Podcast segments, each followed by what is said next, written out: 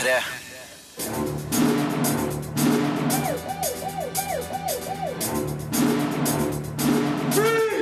Filmpolitiet! What's your name, dude? Birger Vestmo. What kind of stupid name is that? 300 Rise of an Empire er ikke like god som forgjengeren, men er likevel et verdig kapittel i 300-universet. Sorg og glede er en uventa oppløftende film om en dyp personlig tragedie, og den norske kinomusikalen Ta meg med er en fin feiring av Jan Eggum og Halvdan Sivertsens musikk. I dag blir det òg anmeldelse av årets kanskje drøyeste spill, nemlig South Park The Stick of Truth, og den nye TV2-serien Neste sommer, som starter søndag. Piper Kerman gjester krimfestivalen i Oslo denne helga. Hun skal fortelle historien bak sin sjølbiografiske bok Orange is the New Black, som har blitt en suksessrik Netflix-serie. Filmpolitiet anmelder film. Only the gods can defeat the Greeks. You will be a god king. Zack Snyders 300 var et visuelt festmåltid i 2006. Historien om hvordan kong Leonidas og hans 300 spartanere tok opp kampen mot invaderende persere, var tro mot Frank Millers tegneserie. Nå kommer oppfølgeren 300 Rise of an Empire, og sjøl om også den er full av digital blodsprut i slow motion i et stilisert tegneserieunivers, er sjette før-følelsen litt for høy, og savnet av Gerard Butlers kong Leonidas litt for stort. Leonidas and the brave 300 are dead. Mens den første 300-filmen fokuserte på kong Leonidas og hans krigeres kamp mot de invaderende perserne, utvider 300 Rise of an Empire horisonten og forteller hva som skjedde rundt slaget, både før og etter. Generalen Temistokles, spilt av Sullivan Stapleton, bekjemper perserne på havet, men fienden ledes av tøffe og hensynsløse Artemisia, spilt av Eva Green. For å ha muligheten til å vinne er Temistokles avhengig av et forent Hellas. Historien er sterk nok, med Eva Greens Artemisia som den mest interessante figuren, drevet av et hevnbegjær som blir gjort forståelig i løpet av filmen. Green er en orkan i rollen. Vi får òg bakgrunnen for Rodrigo Santoros gudekonge Serxes, mens Sullivan Stapleton gjør en tøff rolle som den smarte Temistokles. Samtidig er savnet av Gerard Butlers kong Leonidas merkbart, og forsterkes av enkelte arkivklipp fra den første filmen. En såpass glatt historie trenger et sterkt midtpunkt, men Temistokles er dessverre ikke i nærheten av å matche Leonidas.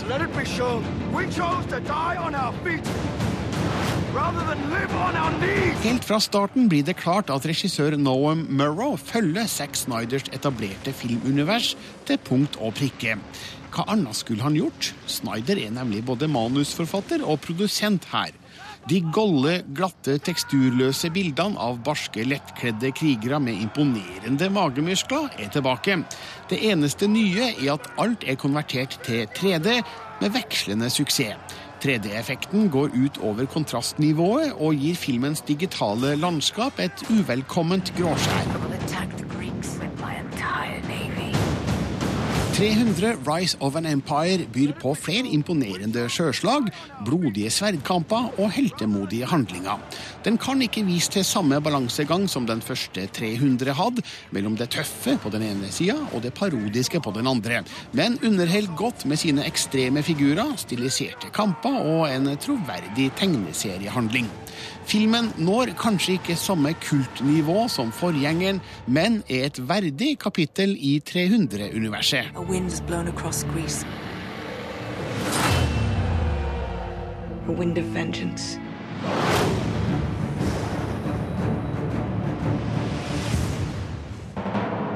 Terningkast fire. Piper Kerman er i Oslo på krimfestivalen denne helga for å snakke om boka Orange is the New Black. Den er basert på året hun var bak murene i et kvinnefengsel, og ble i fjor adaptert til Netflix-serien med samme navn. Andreas Hatzel Opsvik, du har snakka med Piper Kerman over telefonen. Jeg har snakka med over telefonen, ja, og har diskutert diskuterte forskjellene mellom virkeligheten og TV-serien. eh, og hun eh, ville framheve at eh, hun tross alt ikke er den samme personen som eh, TV-seriefiguren Piper Chapman. In the process of adapting something from book into an ongoing TV series, there are many, many changes that Genji Kohan and her team made. So I think someone who reads my book and then watches the series or vice versa will see that Piper Chapman, you know, is not the same as Piper Kerman. Like she has uh, very different uh, uh, outcomes in her story. She makes very different choices than mine. But I do believe that the that the TV series is very true to the spirit of the book.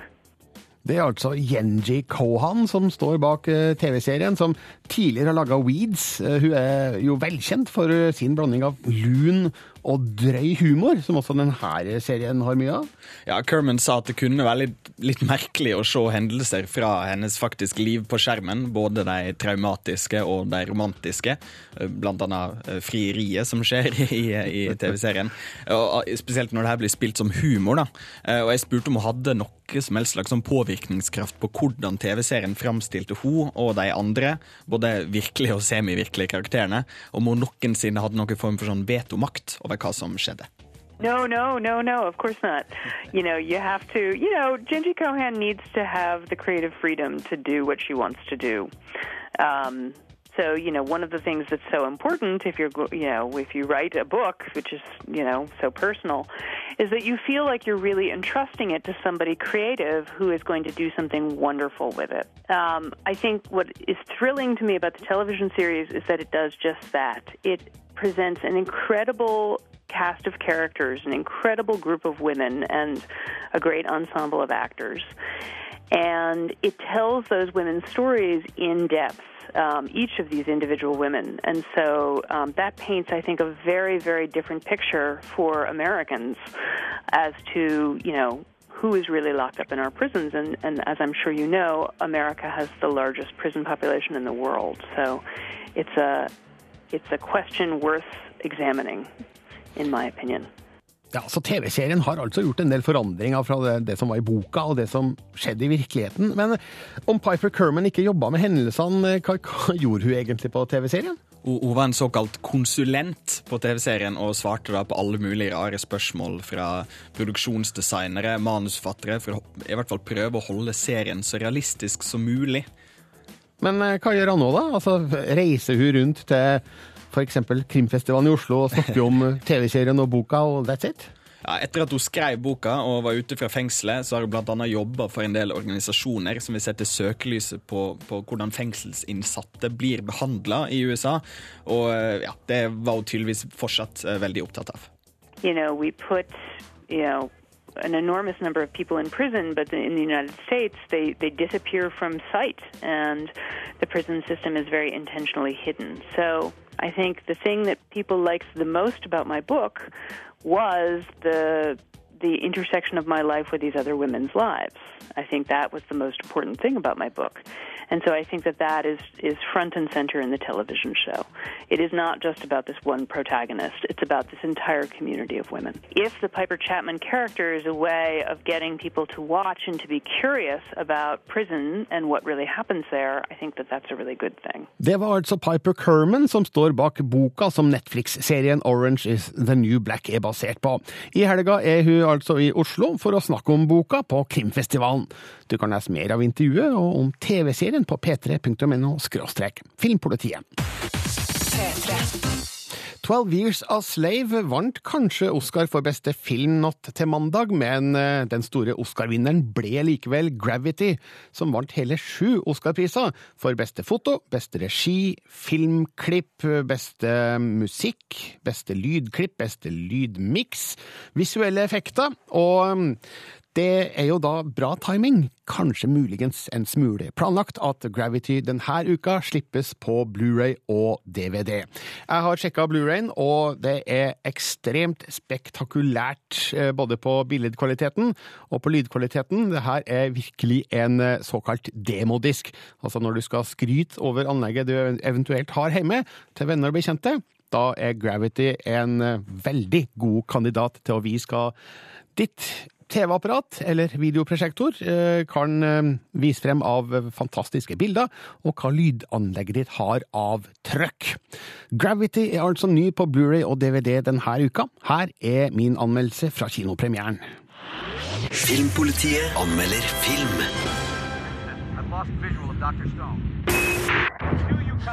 Yes, yes, yes, I copy. I'm detached. I, I, I don't know. I don't know. I'm spinning. Gravity er en ny romfartsklassiker som kun har vært signert Stanley Kubrick eller Ridley Scott. Men mannen bak filmen er Alfonso Cuaron, som har skrevet, produsert og regissert en utrolig spennende romfartsfilm med intense nær døden-opplevelser på rekke og rad. Sandra Bullock og George Clooney er omgitt av utrolige effekter som overbeviser meg totalt om at både dem og jeg befinner oss i bane rundt jorda under totalt katastrofale omstendigheter. Gravity er ikke helt perfekt, men er likevel en stor filmopplevelse. Mission abort. Repeat. Mission abort. Astronauter jobber på Hubble-teleskopet når det plutselig skjer noe som forandrer et rolig oppdrag til en livstruende situasjon. Fartøysjefen Kowalski, spilt av George Clooney, og astronaut Stone, spilt av Sandra Bullock, må foreta drastiske valg for å ha en mulighet til å overleve og komme seg trygt tilbake til jorda. Men verdensrommet er et ubarmhjertig sted, der den minste lille feil kan få de alvorligste konsekvenser. Jeg trenger ikke være mer spesifikk på handlinga enn det her. Man down! Man down!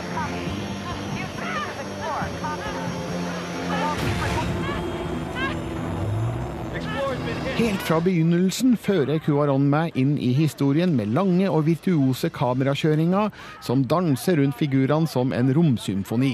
Synet av jorda er så uendelig vakkert at jeg nesten skulle ønske filmen kunne tilbringe enda mer tid der før helvete bryter løs. Men når spenninga først tiltar, greier jeg nesten ikke vente på neste utvikling.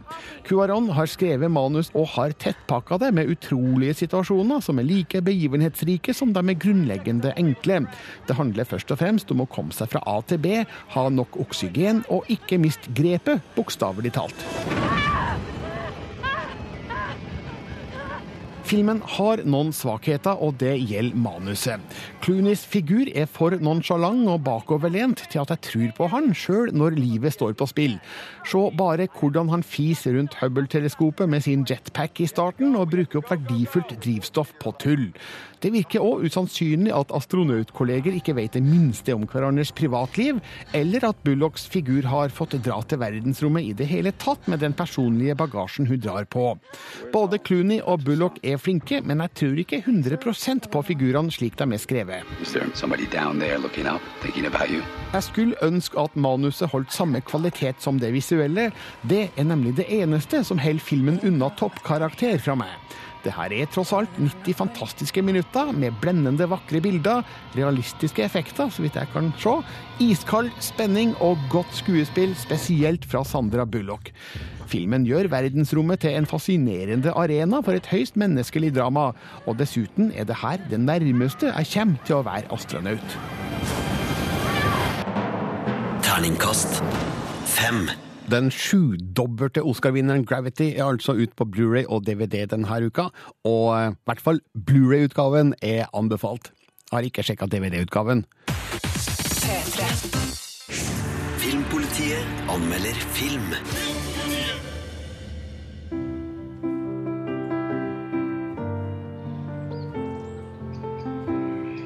Sorg og glede har et utgangspunkt som nesten er for vondt til å tåle, basert på den danske regissøren Nils Malmros og hans kones personlige tragedie. Men til tross for det her handler ikke filmen først og fremst om sorg. Den handler om sympatisk godvilje, dyp medmenneskelighet og fremfor alt urokkelig kjærlighet. Derfor er Sorg og glede en uventa oppløftende film, fylt av håp, der man kanskje hadde forventa å finne håpløshet. Du ikke fortelle meg hva det der skete. Filmregissøren Johannes, spilt av Jakob Sedergren, opplever marerittet når kona Signe, spilt av Helle Fagrali, tar livet av deres ni måneder gamle datter i et psykotisk anfall. Men i stedet for å la seg knuse av sorg og raseri, tar Johannes opp kampen for å forhindre at kona dømmes til en forvaringsdom. For å få oss til å forstå hvorfor, tar historien oss tilbake til hvordan de møttes, og gir oss bakgrunn for deres kjærlighet og hendelsene som leda opp til tragedien. Forklar meg igjen hva det at det er skjedd. Innledningsvis ble jeg litt satt ut av de tilsynelatende manglende følelsesutbruddene. Barnedrapet, som ikke skildres, avleder merkverdig svake og nøkterne reaksjoner. Uff da, det var da leit, men vi skal nok komme oss gjennom det her. Men det her er ikke filmens hovedfokus, det er veien videre som er det viktige. Og måten figurene kommer seg videre på er beundringsverdig. Regissør Nils Malmros har altså laga filmen basert på personlige erfaringer på begynnelsen av 1980-tallet. Han vet sjølsagt best hvordan det her opplevdes. Det er så mye stort det de gjør her, det er du godt klar over. Filmen utforsker det som skjedde i forkant av tragedien, hvor Johannes er opptatt med filminnspilling og kanskje ikke ser faresignalene. Historien viser hvor vanskelig det kan være å tyde psykisk sykdom, og hvor komplisert det er å jobbe seg opp etter en slik alvorlig og monumental hendelse. Men det rettes ingen pekefingre her, bortsett fra de regissøren retter mot seg sjøl. All er ofre. Skal du vite, vi er mange der elsker deg. Gjerne vil hjelpe deg med å bli rask. Sorg og glede er en sterk film som gjør inntrykk og fremtvinger tanker om egne reaksjoner i en slik situasjon. At Nils Malmros har makta å lage denne filmen med en rasjonell og nyansert tilnærming, er imponerende. Skuespillerne greier òg å gestalte interessante figurer som det er mulig å tro på. Og sjøl om historien starter dypt tragisk, går man til slutt ut fra kinosalen med fornya tro på livet.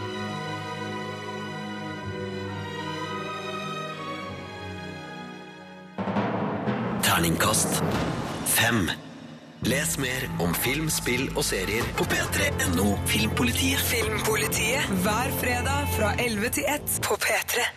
Nils Malmros er en av Danmarks mest kjente filmregissører, med en karriere som spenner over 40 år. Hans siste film, Sorg og glede, er basert på en privat tragedie som lenge var ukjent for offentligheten. I 1984 drepte hans kone deres ni måneder gamle datter i et psykotisk anfall. Nå har han altså laga film om hendelsen, som ikke først og fremst handler om sorgen, men om kjærligheten. Nils Malmros innrømmer overfor intervjuer Ugo Fermariello at det kanskje kan virke merkelig å lage en oppløftende film ut ifra det her utgangspunktet. Det lød jo meget drastisk, øh, og det er det selvfølgelig også, fordi det er selvfølgelig voldsomt traumatisk, når ens kone i en psykose dreper sitt eget barn. Øh, men øh, det handler jo om øh, dels om, hvordan det kunne gå så vidt, men jo nok så meget også om, at øh, hvordan vi er kommet videre. Og nu er det altså 30 år siden, og jeg er stadigvæk lykkelig gift med min kone, så det er dybest set jo altså en kærlighedshistorie. Din kone har sett filmen, og hun ga deg tillatelse til å lage den. Ja, det er jo det uh, til allersidst i filmen, fordi man sidder jo og spekulerer på, hvordan kan jeg overhovedet bære og fortelle en, en så forferdelig historie om min kone, ikke? Og så viser det seg at det er faktisk henne der gir meg tilladelse til å fortelle den. Hun gir meg den som en gave, altså en kjærlighetsgave, fordi hun føler, jeg har reddet mitt liv.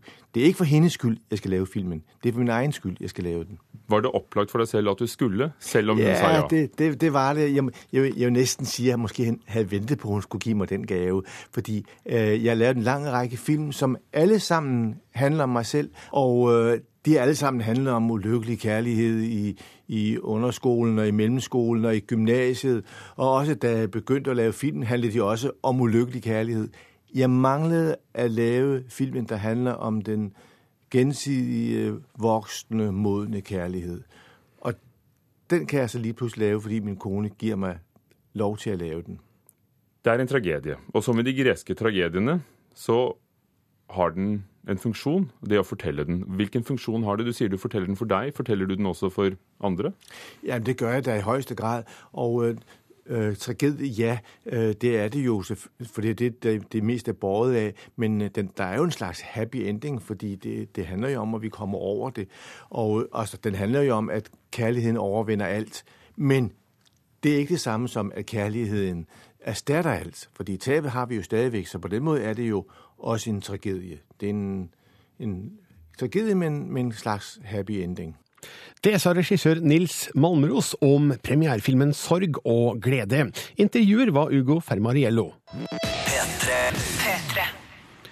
Det er snart 17 år siden Matt Stone og Trey Parker skapte en ny animasjonsserie om noen små gutter i en søvnig småby i USA. Selvfølgelig South Park. Hundrevis av episoder har det blitt, og et par spill, men det er først i 2014 at du virkelig kan, kan dra på et skikkelig eventyr med Eric, Kyle, Stan og Kenny i spillet South Park The Stick of Truth. Her er Rune Haakonsens dom. Filmpolitiet anmelder spill. Humans and elves of Sauron, a great evil has descended upon us. For ihuga tilhengere av den amerikanske animasjonsserien South Park er spillet The Stick of Truth en gavepakke. Det er som en episode av serien som varer i over ti timer. En ny unge flytter til byen og oppdager raskt at nabolaget er låst i en dyster konflikt mellom mennesker og onde alver. Det vil si, ungene i nabolaget har sparket i gang et omfattende rollespill, og du, ja, du styrer den nye kiden.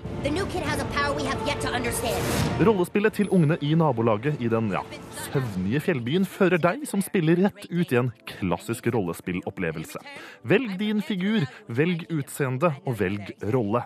Kriger, tyv, magiker eller ja, jøde. So I guess we'll never really be friends. Om det nå følger deg støtt eller forferdet, kan du skru av denne anmeldelsen med en eneste gang. Trey Parker og Matt Stone fortsetter sitt satiriske korstog med politisk ukorrekte vitser om abort, rasisme, sex og alt annet som har et potensial til å opprøre fintfølende personer. For tilhengere av seriens absurde humor er The Stick of Truth en lang fest.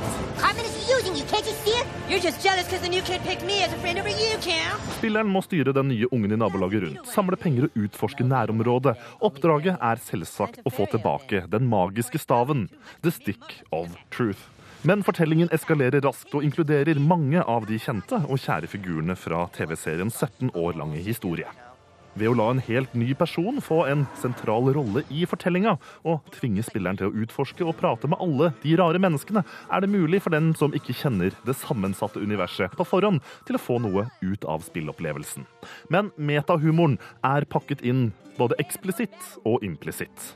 Har du god kjennskap til South Park fra før, vil du ha det morsommere. Kampsystemet er dypt rotfestet i rollespillsjangeren. Basert på ditt valg av yrke eller rolle i starten av spillet, får du tilgang til ulike angrep, både fysiske og magiske. Alt utføres likevel på lignende vis.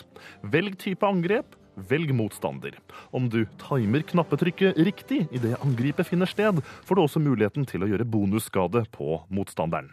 Nye nivåer låser opp nye egenskaper og angrep. Likevel er det nettopp hvor flink du er til å treffe korrekt og time angrepene som avgjør kampene i det lange løp. Ulike forsvarsmekanismer hos fiendene gjør det umulig å bruke samme taktikk hele tida.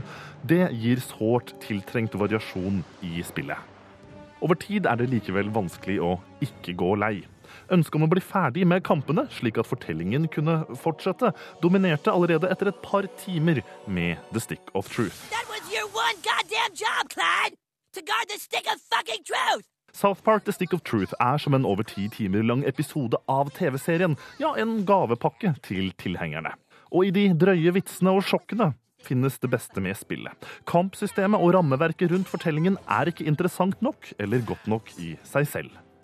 I forkant av lanseringen av spillet har drøye vitser og sensurerte analabortscener allerede skapt overskrifter, og akkurat dette vil sjokkere dem som uten forkunnskap ramler inn i den episke kampen mellom Eric Cartmans middelalderrike og Kyle Braflovskis onde alver, ja, alt i jakten på den magiske staven.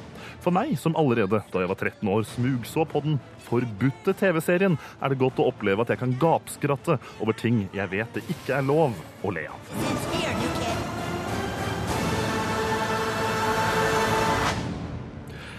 Ja, South Park The Stick of Truth ble anmeldt av Rune Haakonsen, som gir Terningkast fire. Filmpolitiet anmelder TV-serie. Ja, Andreas Hatzer Opsvik. Nå skal vi snakke om serien eh, Neste sommer, som jeg ved flere anledninger i dag har sagt eh, har premiere på TV 2. Det, det er feil. Det har den altså ikke. Den har premiere på TV Norge. Beklager. Unnskyld, TV Norge. Det her skulle aldri ha skjedd. Eh, neste sommer er altså da en TV Norge-serie. Med Trond Fausa Urvåg og Janne Formoe i hovedrollene. La oss høre hvordan det høres ut eh, på TV Norge. Så, sånn som man står og disser meg der ute, så, så skal jeg i tillegg la han vinne over meg? Ja, er du klar for å bli ydmyket av Terje? Se og lær, folkens! Se og lær! Vi vil ikke bruke den røde. Hæ? Det er mammas nedekludd. Nedeklutt? Dette er skrittet. Har du noe kjennskap til sånne? Jeg tror jeg har vært borti noen sånne opp gjennom åra.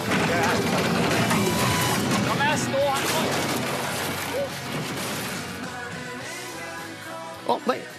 Har de brukt en De Lillos-låt her? De har nok brukt De Lillos-låten eh, neste sommer, og vi får vel heller beklage til alle som nå kommer til å ha den på hjernen resten av dagen. Hva handler neste sommer om? Neste sommer handler overraskende nok om eh, neste sommer, og da eh, eh, paret spilt av Janne Formoe og Trond Fause Aurevåg som overtar hytta til foreldrene hennes, og det er da vi følger dem gjennom eh, da det er åtte ukene på denne hytta, og med alle sånne de der hverdagslige tinga som, som jeg tror alle har vært borti før. Det med at det kan bli litt slitsomt å henge med familie og folk du, du stort sett bare møter om sommeren eh, i, over såpass lange tidsperioder. Ja, hvilken, hvilken sjanger vil du si vi befinner oss i nå da, i neste sommer? Vi eh, er nok inne på, på områder som Solsidan og, og Side om side og, og den typen. Litt sånn den herre eh, hverdagslige irritasjonene og pinlige situasjoner som oppstår eh, mellom mennesker som, som kanskje ikke kjenner hverandre så godt som de tror, og kanskje òg ønsker å ha gjort. Du har sett de første tre episodene av Neste sommer. Hvordan fungerer det, syns du? Jeg syns det fungerer bra. Det er gode skuespillere egentlig jevnt over hele fjøla. Alt fra, fra Ellen Horn, Pia Tjelta innom og Eivind Sander. Eh, Men da med kjent fra Lillehammer, blant annet Trond Fausa Aurvåg i den sentralrollen. Og han er veldig flink på det her litt sånn hva skal jeg si, litt sånn småpinglete karene som ikke helt klarer å få ut det de ville ha sagt. Der er Trond Fausa veldig god, altså. I den, der, den slags typen mennesker. Mm. Tror du TV Norge potensielt ser karen sitt på en liten suksess her, eller hva, hva tror du? Ja, jeg tror det er ikke, det er ikke fantastisk sånn jevnt over, men det er en, en, en serie som, som, klarer seg veldig godt med det det prøver på, uten å på en måte kjennes veldig nyskapende. Men det klarer nettopp å fange der sånn ja, feriefølelsen. Klarer å ta det veldig på kornet. Mm. Nå er det altså straks klart for premiere på serien neste sommer. Det skjer på søndag på TV Norge.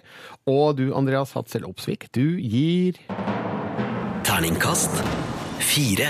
Ja. Enkelt og greit. Enkelt og greit. Takk skal du ha, Andreas. Filmpolitiet anmelder film. Finnes en som syns jeg er pen. Ta meg med er en musikal basert på sanger av Jan Eggum og Halvdan Sivertsen. Låtene tolkes av flinke sangere, skråstrek skuespillere, som gir flere av dem en ny emosjonell dimensjon. Regissør Per Olav Sørensen sto sjøl bak sceneforestillinga som filmen er basert på, og har nå skapt en versjon som lever sitt eget gode liv på kinolerretet. Historien kunne vært sterkere, men låtene hever den opp til et tålelig nivå. Ryktet forteller at jeg elsker deg. Filmen handler om fem ensomme naboer i en bakgård i Oslo, som i løpet av historien vil oppdage kjærlighetens evne til å løfte opp og bryte ned. Taxisjåføren, spilt av Frank Kjosås, får et godt øye til forretningskvinnen, spilt av Haddy Njay, noe som skaper fortvilelse for bensinstasjondama, spilt av Marion Ravn. Samtidig får en lærer, spilt av Kjersti Elvik, uventa oppmerksomhet fra gitaristen, spilt av Magnus Grønneberg. I huset sitter fruen, og på kjøkkenet. Det her kunne blitt en enkel hitsamling, men heldigvis har man gått dypere inn i Eggum og Sivertsens sangunivers. Her fins flere albumkutt som du kanskje ikke har hørt på radio, og som er nye for meg. Utvalget avdekker de to ringrevenes spennvidde, og filmens handling utdyper tekstenes poetiske kvaliteter. Her er det mye fint, som takket være filmens bruk gir sangene et friskt pust. Skulle jeg sette fingeren på noe, er det at musikken ofte visualiseres for enkelt. Det blir litt for mye hverdag foran kamera opera og litt for lite musikalsk fantasi. Filmen heller mot realisme, der den kanskje heller bør leika seg mot Bas Lurmans filmatiske univers. Min krok er kald med grå gardiner. Historien som spinnes rundt sangene er tynn, men dugg akkurat til å binde låtene sammen. Kjersti Elviks fremføring av Telefon er rørende. Marion Ravn synger Rykte forteller med stor innlevelse, mens Frank Kjosås tolker Mor jeg vil tilbake i en dramatisk sammenheng. Du kjenner ikke meg, og hver gang vi møtes blir også fremført i sammenhenger som gir dem en ny friskhet, nesten som om vi hører dem for første gang. En sjelden gang glipp det, som når forretningskvinnen synger kjærlighetsvisa til taxisjåføren den første morgenen, ei låt som åpenbart er skrevet om et forhold med mye lengre historikk. Skuespillerne i filmens fem hovedroller gjør en imponerende jobb med å levendegjøre Eggum og Sivertsens tekster. Spesielt Marion Ravn og Haddy Njay viser nye sider av seg sjøl, mens Kjersti Elvik har noen rørende scener som viser hvilken dyktig skuespiller hun er. Det Magnus Grønneberg kanskje ikke har av kvaliteter som skuespiller, tar han igjen som fremragende rockevokalist. Frank Kjosås sin uttrykksfullhet og stemmeprakt kommer òg til gode.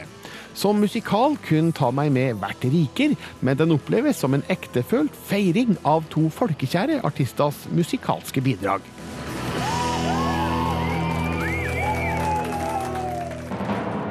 Terningkast fire. Ta meg med er altså noe så sjeldent som en norsk kinomusikal. Det fins ikke veldig mange av dem, men det fins noen. Njål Engeseth har bladd seg tilbake i historien og starter i 1932. Lalla vinner er det første eksempelet på noe som kan minne om en musikal innen norsk film. Men de neste tiårene finner en mange tilfeller der skuespillerne plutselig bryter ut i sang. En gjerrig mann stabber med mat og med mynt. Når gjest har besøk, du er forrådet tynt. Jeg håper at jeg skal møte en herre med bart. Å, en herre med bart. Var vel livet uten deg? Å, Marie Egren. Stakkars store, sterke kare. Norge virker være en nasjon med forkjærlighet for synging på film. Vi var så sultne på sang og dans at på 70-tallet ble flere filmer Dizzie Tunes-forestillinger satt opp på kinoer landet rundt. Men i 1974 fikk det norske publikum endelig slukka sin musikaltørst for alvor, med tre musikkfilmer. Folk, små folk. Ungen var basert på Oskar Bråtens roman, og hadde allerede vært en suksess på teaterscener. Det samme var tilfellet med Bør Børson jr., hvor Rolf Wesenlund gjentok glansnummeret på filmlerretet. De minste fikk òg sin dose, da platene til Knutsen og Ludvigsen ble til spillefilm. Hvem har tatt min beste venn? Hvor er Ludvigsen? Men så stilner musikken. 80- og 90-tallet er dårlige år for sang på film. Primavera hadde hatt suksess på TV og plate med å blande musikk og humor. Men da de blanda musikk og film to ganger, ble de brutalt slakta to ganger. Sang på film framsto som et håpløst prosjekt. Så da det nye årtusenet kom, virka det umulig å lansere en norsk filmmusikal. Det er jo sprøtt å synge på film. Altså synge i bildet, liksom. Dette er min bro, dette er min Alt for Egil både ser og høres ut som en musikal. Men ifølge regissør Tore Rygg er det ikke det. Jeg vil ikke si musikal. Altså, dette er en film med sanger i. Det er ikke en, det er ikke en, det er ikke en sangfilm. Så, nå tar vi med Noah premiere. Er det første gang på 40 år at noen tør kalle norsk film for voksne en musikal.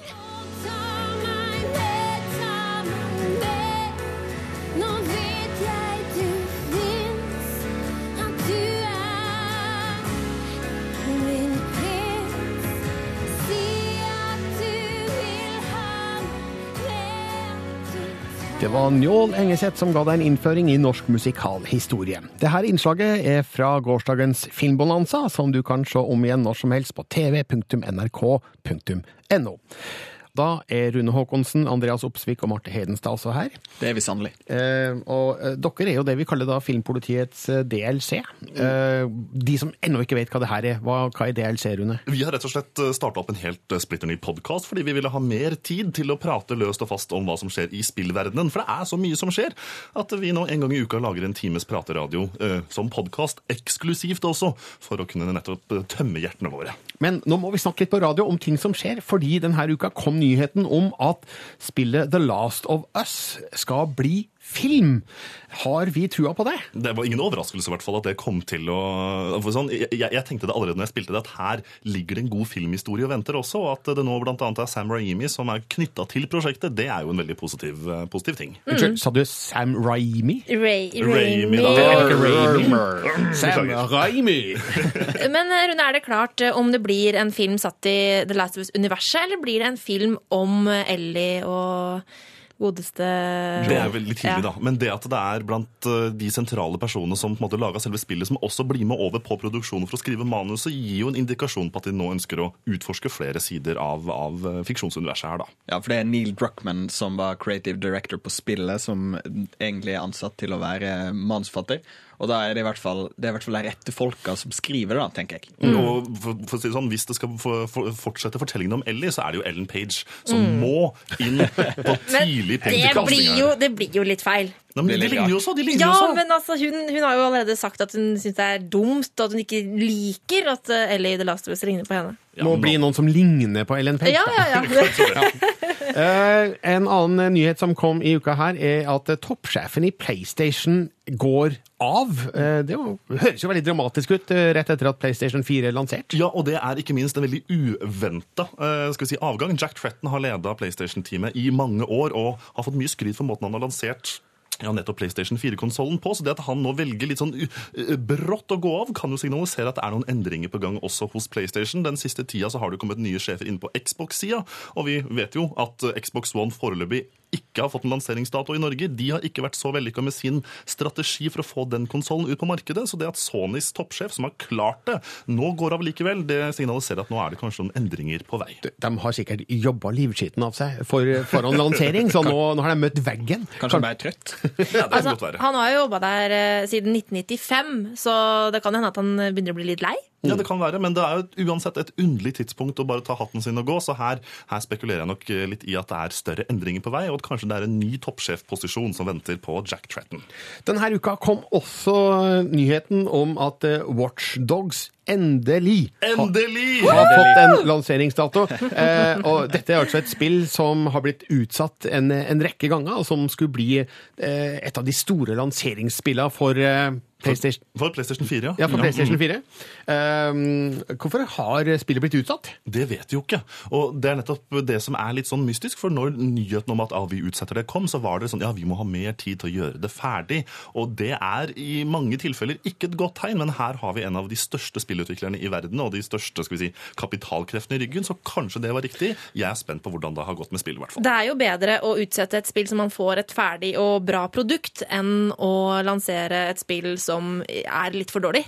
Apropos Thief-utgivelsen. Ikke sant, som ble hasta av gårde. Som ble hasta gjennom og ble en middels god opplevelse. Jeg Mm. håper at Watchdogs klarer å klatre opp og møte de ekstremt høye forventningene som i hvert fall vi har. Og du har jo testa litt, Marte, allerede, du. Ja, jeg har kjempehøye Du forventninger. gleder? Jeg gleder meg. Ja, det, I filmens verden så er det jo ofte et eh, stort varsko når en film blir utsatt og utsatt og utsatt. Eh, Det gjenstår å se om det gjelder også i spillverdenen. Og Watchdogs kommer altså ut i slutten av mai, så det blir heldigvis ikke så veldig lang tid for oss å vente. 27. mai er datoen vi alle gleder oss til. Du som hører det her og ønsker enda mer prat om spill, last ned Filmpolitiets DLC-podkast. Filmpolitiet anmelder film. Thor The Dark World er ute på Blu-ray og DVD. Her er anmeldelsen min fra kinopremieren.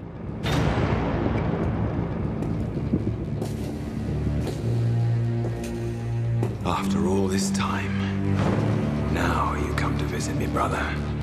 Why? Thor The Dark World kun har blitt en pinlig affære i andres hender.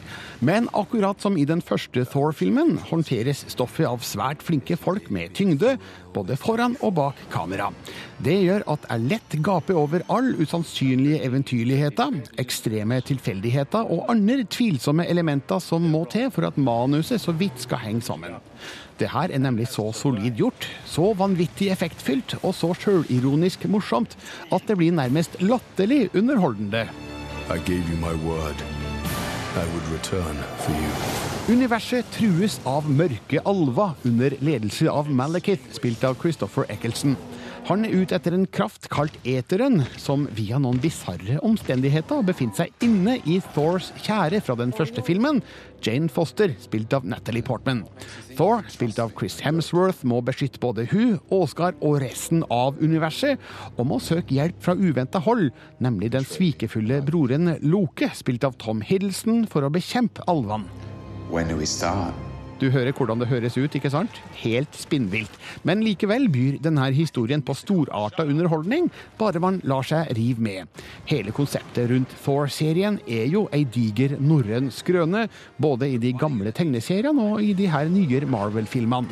Også i The Dark World har man funnet den rette tonen, som er seriøs nok til at det her ikke blir ren camp, men samtidig med en passende dose avvæpnende humor som viser at filmskaperne vet at det her er tøys.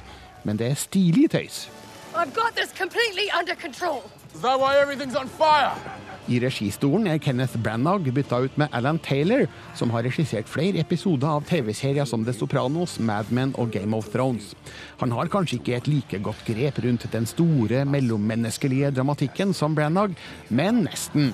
Rivaliseringa mellom Thor og Loke når nye høyder, samtidig som vi aner den gjensidige broderlige kjærligheten og respekten som fremdeles eksisterer mellom dem. Kanskje det er derfor jeg liker Thor-filmene så godt, fordi det mellom all tegneseriekitchen fins spor av gjenkjennbar menneskelighet. Your Thor The Dark World er på all måte et imponerende helteepos, med effekter som er like vakre som de er storslagne og dramatiske, akkompagnert av et tordnende lydspor med ekstrem dynamikk. Det her er altså nok en vellykka Marvel-film, og man kan spørre seg når suksessrekka tar slutt. Denne filmen signaliserer at appellen fremdeles er kruttsterk. Et lite tips til slutt. Bli sittende gjennom hele rulleteksten for en aldri så liten bonusavslutning. Terningkast fem. Og nå er Thor The Dark World ut på Blu-ray og DVD og er herved anbefalt. Filmpolitiet er over. Jeg heter Birger Vestmo. God helg! Hør flere podkaster på nrk.no podkast. P3.